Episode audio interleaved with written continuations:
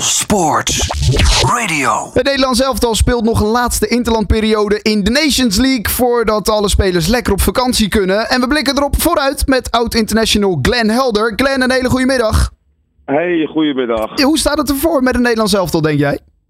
Nou, maakt het lekker belangrijk, interesseert me niet. Nee, maar...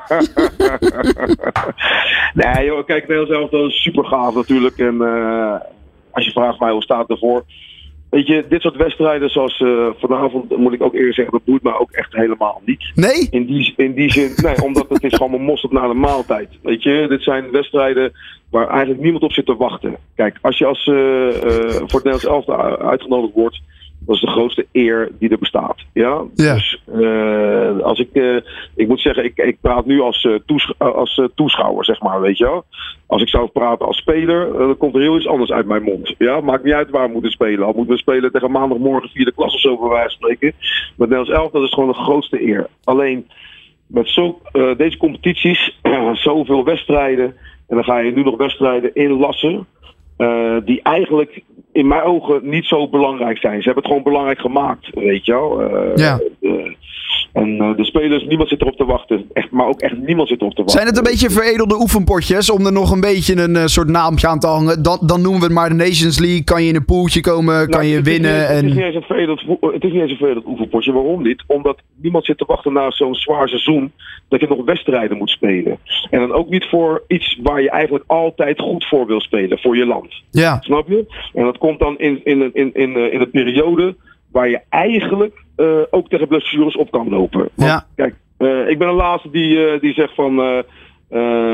Dat je spelers moet beschermen, zeg maar. Want als jij zoveel geld verdient, dan ga je maar lekker voetballen. Ja, en dan moet je gewoon je mond houden.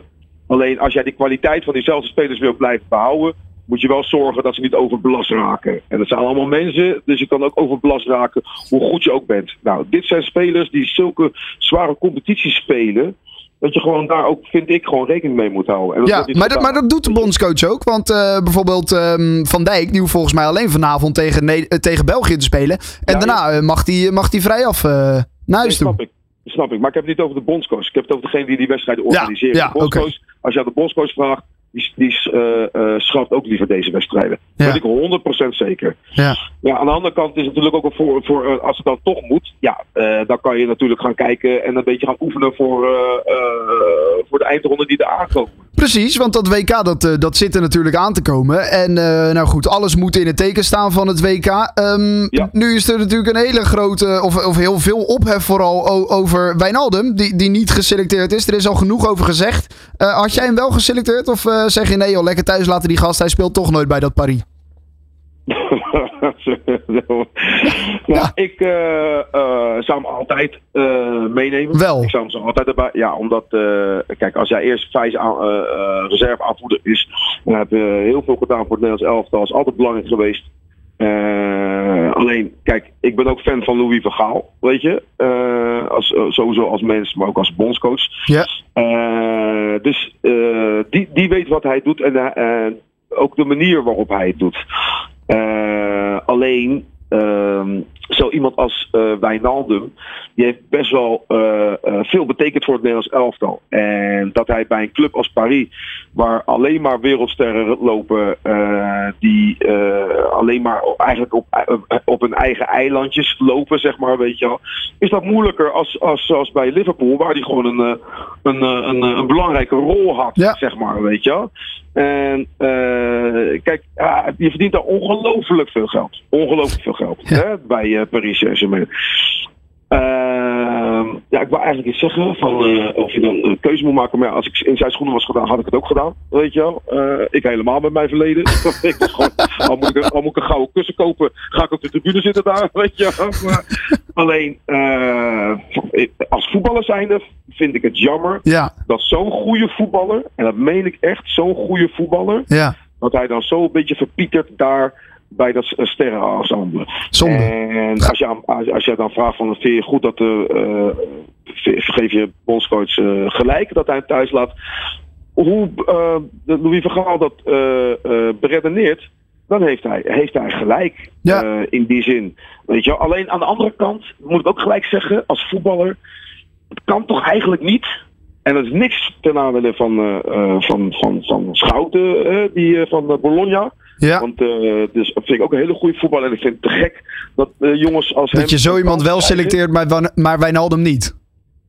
Nou, eh, het, het, het, al zou Wijnaldum niet eh, eh, zijn niveau halen, dan denk ik toch nog dat hij nog veel meer kwaliteit heeft dan Ja. sommigen in de selectie. Dat Wat- denk ik gewoon.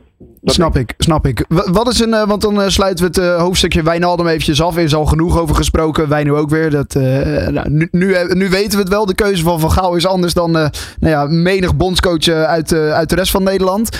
Ehm, Wat is een andere speler waar jij veel van hoopt te zien in deze interlandperiode? Eh, nou, laat, laat dan maar eh, Schouten uitblinken. Ja, ja, Oké, ja, ja. waarom niet? ja, ja, Oké, dus eh, laat, laat hopen dat hij zich van zijn goede kant kan laten zien. En dan misschien wel mee mag naar Qatar. Daar gaat het uiteindelijk om.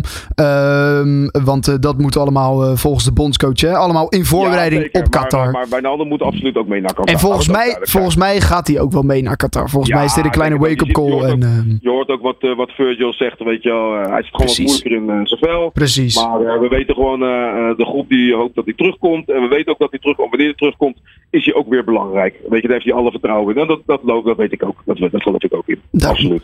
Vier eh, wedstrijden die het Nederlands elftal moet gaan spelen. Eh, vrijdag eh, 3 juni is de eerste. Ze sluiten af op dinsdag 14 juni. Eh, Zo. tegen België vanavond. Wat, wat verwacht jij ervan? Al 25 jaar heeft Nederland niet gewonnen van België. Nee, maar dit, kijk, is het nou een wedstrijd wat morgen moet gespeeld worden in de halve finale of kwartfinale? Weet je, dan is het ook een ander verhaal. Staat iedereen op scherp, weet je. Ik heb nu al een idee bijvoorbeeld dat het een beetje wisselend is in de selectie van eh, bij de gelouden spelers van nou oké, als we winnen, nou te gek. Als we verliezen, eh, of als we gelijk spelen, nou, eh, jammer. En als we Ja. verliezen, nou, eh, balen. Ja. Maar daarna gaan ze allemaal op vakantie. Zo staan ze er denk ik een beetje in. Al zullen ze dat nooit zeggen.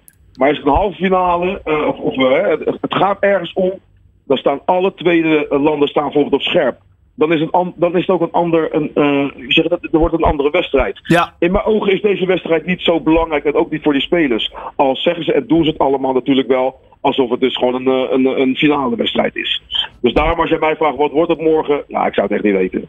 Of eh, vandaag, ik zou het echt niet weten. Ik Nou zou het echt niet weten. Dan, eh, dan gaan we het gewoon afwachten. Om eh, kwart voor negen begint de wedstrijd. Ehm, en dan eh, gaan we denk ik maar eh, met z'n allen een beetje, eh, een beetje toch met een schuin oog kijken. Toch? Zoiets Ja, in die richting. Ja, Ja, Als je mij vraagt wat, wat wordt vanavond, nou ik gok niet meer, dus daar doe ik ook niet meer aan.